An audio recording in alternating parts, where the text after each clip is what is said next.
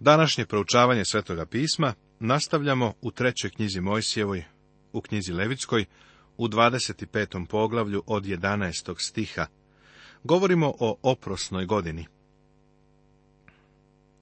U vezi sa ovim zanimljivo je primetiti reči našega gospoda u sinagogi u Nazaretu.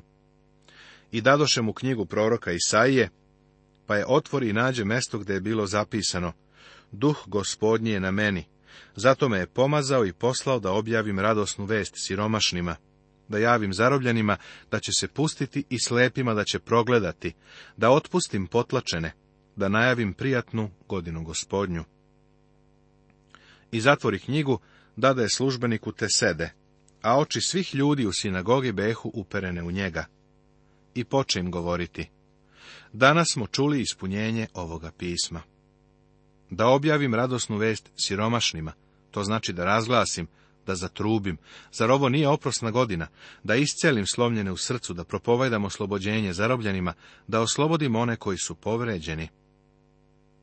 Verovatno najbolja primjena i potpuno, konačno ispunjenje oprosne godine nastupit će u hiljadugodišnjem carstvu, pošto se ovo odnosi direktno na izraelski narod. Ohrabrio bih te da pročitaš Isaiju 11. poglavlje 35. i 40. kao i Jeremiju 23. Miheja 4. i otkrivenje Jovanovo 20. poglavlje. Oprosna godina da vam je ta 50. godina. Nemojte sejati, niti žanjite, što samo rodite godine, niti berite grožđe u vinogradima nerezanim, jer je oprosna godina, neka vam je sveta. Sa svakoga polja jedite rod njegov. Oprosna godina je sledila nakon subotnje godine, kada je zemlja ostajala neobrađena.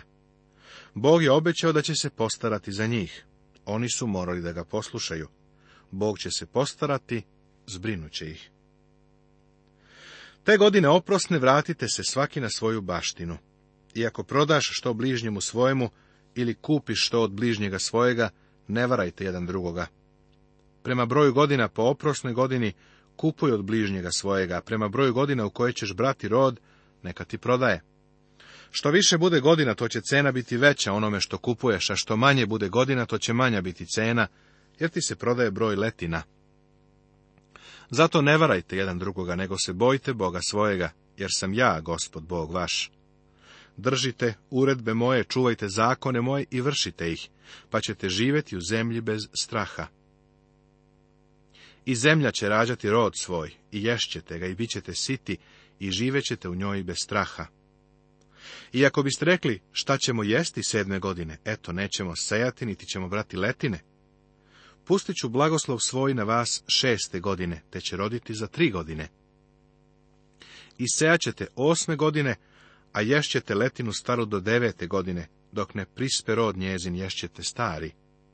Ali da se zemlja ne prodaje za svagda, jer je moja zemlja, a vi ste došljaci i ukućeni kod mene. Zato po svoj zemlji države vaše neka se otkupljuju zemlje. Ovaj odeljak objašnjava da je sve imanje i celokupan posjed trebala vratiti prvobitnom vlasniku.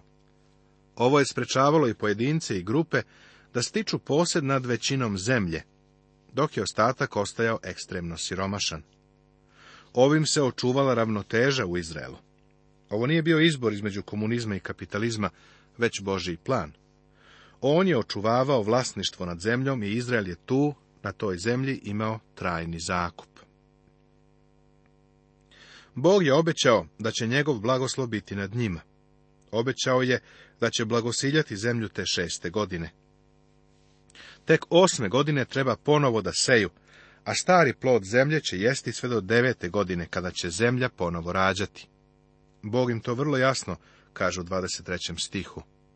Ali da se zemlja ne prodaje za svagda, jer je moja zemlja. Oslobođenje imovine Ako osiromaši brat tvoj i proda nešto od baštine svoje, i posle dođe ko od roda njegova najbliži njemu da otkupi, neka otkupi što brat njegov prodade ako li ne bi imao nikoga da otkupi, nego bi se pomogao i zaglavio koliko treba za otkup, onda neka odbije godine od kako je prodao, pa što ostane, neka isplati onome kome je prodao i tako neka opet dođe do svoje baštine. Od jedne do druge oprosne godine proticao je dug period. Ako bi čovjek izgubio imanje neposredno nakon oprosne godine, postajala je mogućnost da ne poživi do sljedeće oprosne godine i ne uživa u njoj, i u svom imanju. Zato se Bog postarao za još jednu obnovu zemlje. Ako je postojao neki bogati rođak, on je mogao, ako je hteo, da oslobodi to imanje. A onda se zemlja vraćala izvornom vlasniku. Ovo je zavisilo od volje rođaka. Ovo je zakon o takozvanom osvetniku, što ćemo vidjeti posebno u knjizi o Ruti. Ako li nema koliko bi trebalo vratiti, onda ostaje stvar prodana u onoga koji je kupio do godine oprosne, a oprosne godine ostavit će se i on će se vratiti u svoju baštinu. Ko proda kuću u kojoj sedi u mestu ograđenu zidom, vlastan je otkupiti je, dokle se ne navrši godinu dana od kako je proda. Celu godinu dana ima vlast otkupiti je.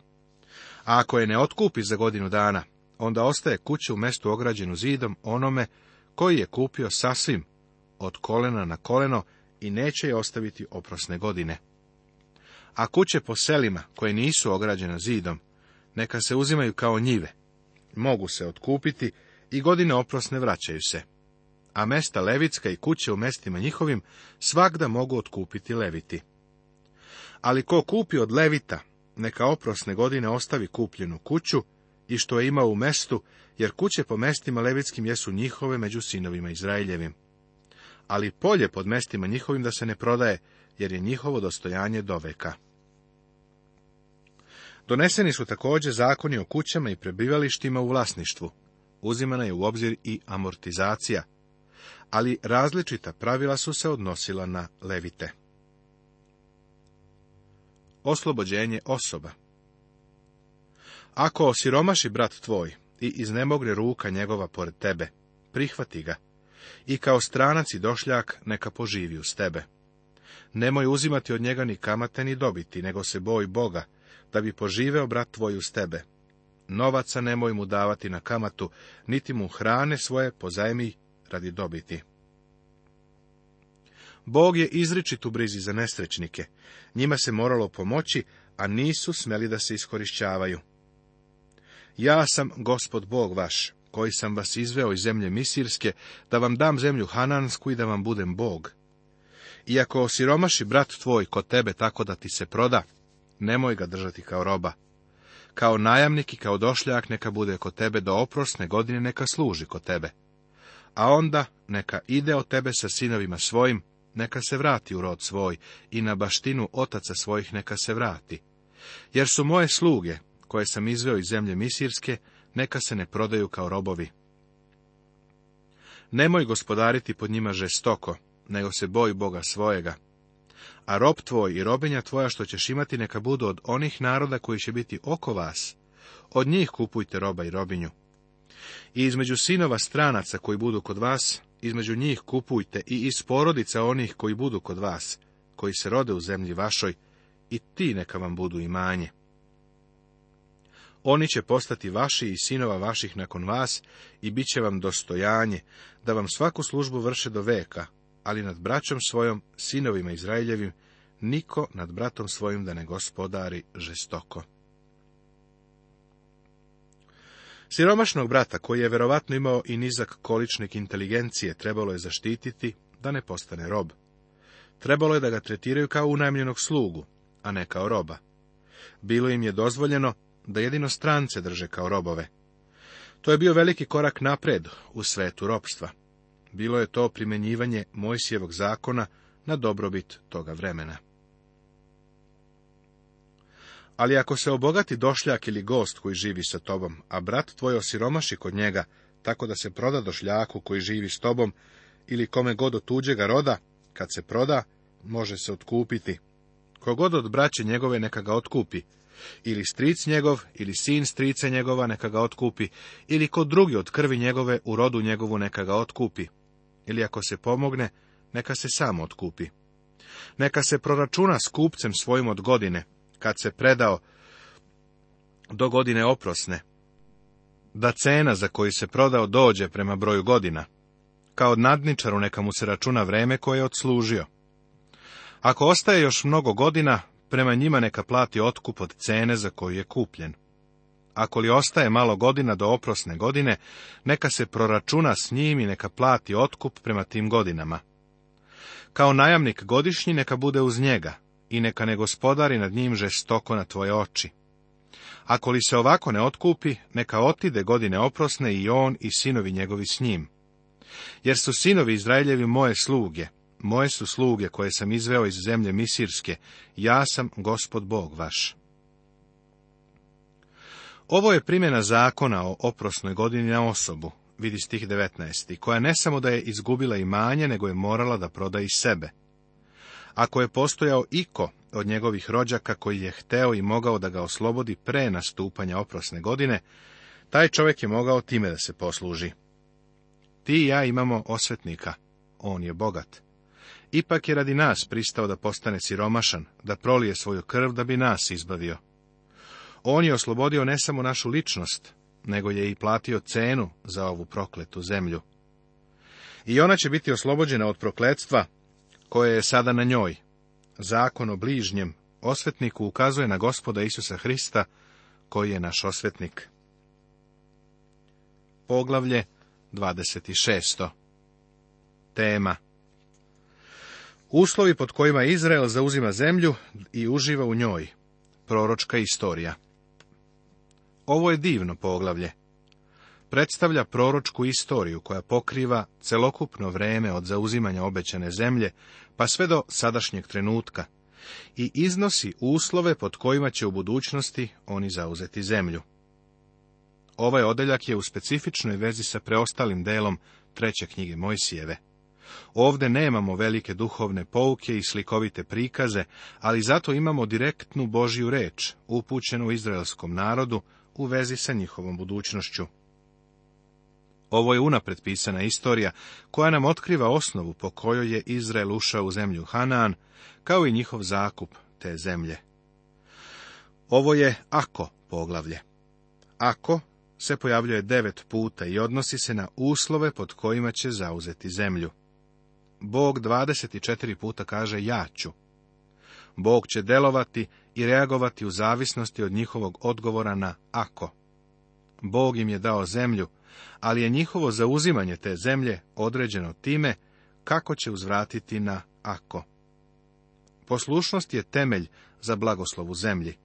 Ovo poglavlje je ne samo kalendar njihove istorije, nego nam služi i kao barometar njihovih blagoslova njihovo prisustvo u zemlji, kiša i obilan rod žita ukazuju na Božiji blagoslov.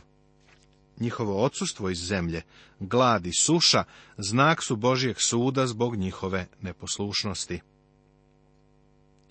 Ti i ja smo blagosloveni svim duhovnim nebeskim blagoslovima u Hristu Isusu. Međutim, postoje neki ako, koji su također vezani za te blagoslove. Bog te voli i želi da te zaspe svojim blagoslovima, ali ti možeš da otvoriš kišobran ravnodušnosti, možeš da uzmeš kišobran greha ili kišobran istupanja izvan Božije volje. Kada to učiniš, sunce njegove ljubavi neće dopirati do tebe. Svoj kišobran moraš da sklopiš da bi iskusio njegove duhovne blagoslove. Pregled Uvodu izraelsku magna kartu zemlje stihovi 1 i 2. Obećanje blagoslova stihovi 3 do 13 objavljivanje suda, stihovi 14 do 39, i proročanstvo o obećanju izrečeno patrijarsima, stihovi od 40. do 46. Uvodu izraelsku magna kartu zemlje. Nemojte graditi sebi idola, ni likova rezanih, niti stubova podižite, ni kamenja sa slikama mećite u svoje zemlji, da mu se klanjate, jer sam ja, gospod Bog vaš. Držite subote moje i svetinju moju poštujte. Ja sam gospod. Ova dva stiha daju siže prvog dela deset zapovesti. Čovekov odnos prema Bogu. Ovo je od suštinske važnosti da bi Izrael i dalje opstao u zemlji. Oni moraju da ispune ove zapovesti ako žele da zauzmu zemlju. Zemlja je data njima, ali da li će je zauzeti, da li će u njoj uživati, zavisi od njihove poslušnosti Bogu. 1. Ne smeju da prave idole. Jevrejska reč za idola, elilim, znači ništa. Oni ne smeju da prave ništa. Prilično je teško napraviti ništa, prijatelju, pa ipak tako mnogo ljudi prave ništa od svog odnosa sa Bogom. Sve što zauzima Božije mesto umjesto Boga jeste ništa. Reč koja se daje za rezane likove znači rezani drveni likovi a reč za kamene likove govori o izvajanim kamenim likovima. Ljudi nisu smeli da obožavaju likove, čak ni da obožavaju pred njima. Ovo je ponavljanje onoga što je već bilo rečeno u trećoj knjizi Mojsijevu i 19. poglavlju. Dva Moraju držati subote i tri Moraju poštovati svetinju. Subota, svetinja i ovakva vrsta obožavanja Boga idu u jednom paketu. Jahvin karakter je osnova za poslušnost ovim zapovestima. Ja sam gospod. Obećanje blagoslova Ako uživite po mojim uredbama i zapovesti moje uzdržite i uščinite, davat ću vam dažd na vreme i zemlja će rađati rod svoj, i drveta će u polju rađati rod svoj, i vršitba će vam stizati berbu vinogradsku, a berba će vinogradska stizati sijanje, i ješćete hleb svoj do sitosti i živećete bez straha u zemlji svojoj. Jer ću dati mir zemlji, te ćete spavati, a neće biti nikoga da vas plaši. Učinit ću te će nestati zle zveri iz zemlje, i mač neće prolaziti preko vaše zemlje. Primećuješ da ovo počinje rečicom ako. Ako budu živjeli na taj određeni, propisani način, onda će Bog sve ovo obećati. Njihovo zauzimanje obećane zemlje je moguće samo ako počiva na poslušnosti Božjoj volji, koju im je On objavio. Bog poštuje njihovu slobodnu volju. Ako poslušaš, onda će te Bog blagosloviti. Izgleda kao da je u toj zemlji osnovni dokaz Božjeg blagoslova, koji je reakcija na njihovu poslušnost bila kiša, odnosno dažd. Vidjet ćemo da se ovo ponavlja u petoj knjizi Mojsijevoj i u prorocima. I blagoslovit ću njih i što je oko gore moje, i puštaću dažd na vreme, daždi će blagosloveni biti. I drveta će Poljska rađati rod svoj, i zemlja će rađati rod svoj, i oni će biti u zemlji svojoj bez straha, i poznaće da sam ja gospod. Kaže knjiga proroka Jezekilja, 34. poglavlje. Proroci su se radovali danu kada će se ovo u Izraelu ispuniti. Ovaj dan tek treba da dođe. Evo idu dani, govori gospod, kada će orač stizati žeteoca i koji gazi grožđe jača. I gore će kapati slatkim vinom i svi će se humovi rastapati, kaže knjiga proroka Amosa, deveto poglavlje.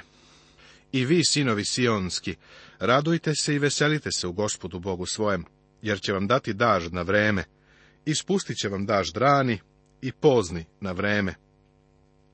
I gumna će se napuniti žita, a kace će se prelivati vinom i uljem, kaže knjiga proroka Jojla u drugom poglavlju. Bog im je obećao da će zauzeti zemlju, obećao im je daždove, plodnost, mir. Zanimljivo je da taj mali narod danas nema mira. Nema nikakve svrhe da upiremo prstom na njih, jer ni mi ostali nemamo mira. Sve je povezano s onom malom rečju ako. Bog je obećao da će blagosloviti ako se urade izvesne stvari. Nego ćete terati neprijatelje svoje i padaće pred vama od mača. Vas će petorica terati stotinu, a vas stotina teraće deset tisuća i padaće neprijatelji vaši pred vama od mača. Pobeda nad njihovim neprijateljima bit će deo njihovog blagoslova. Mnogo puta ovo se doslovno ispunilo, kao što znaš. Kad god bi se vratili Bogu, Bog bi podizao Samuila ili Davida, Deboru, Gedeona ili Iliju. Svi oni su bili podignuti jer je Bog ispunjavao svoje obećanja.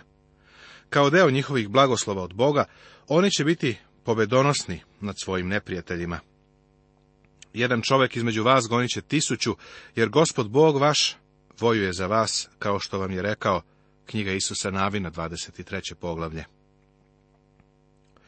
I obratit ću se k vama i učinit ću vam da rastete i umnožit ću vas i utvrdit ću zavet svoj sa vama. I ješćete žito staro od mnogo godina i izasipat ćete staro kada dođe novo. Eksplozija populacije u Izraelu bit će deo blagoslova. Danas svet uopšte ne misli da je to blagoslov porast populacije neće izazivati nedostatak hrane, jer će se i hrana umnožavati toliko da će morati da uklanjaju staro žito i da prave mesto za novo.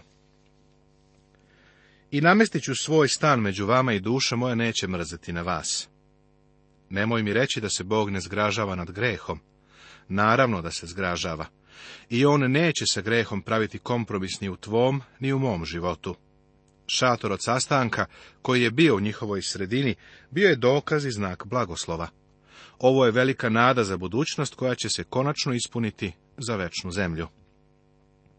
I čuh kako jedan jaki glas sa prestola govori, vidi skinije Božije među ljudima, i on će stanovati s njima i oni će biti njegov narod i sam Bog biće sa njima.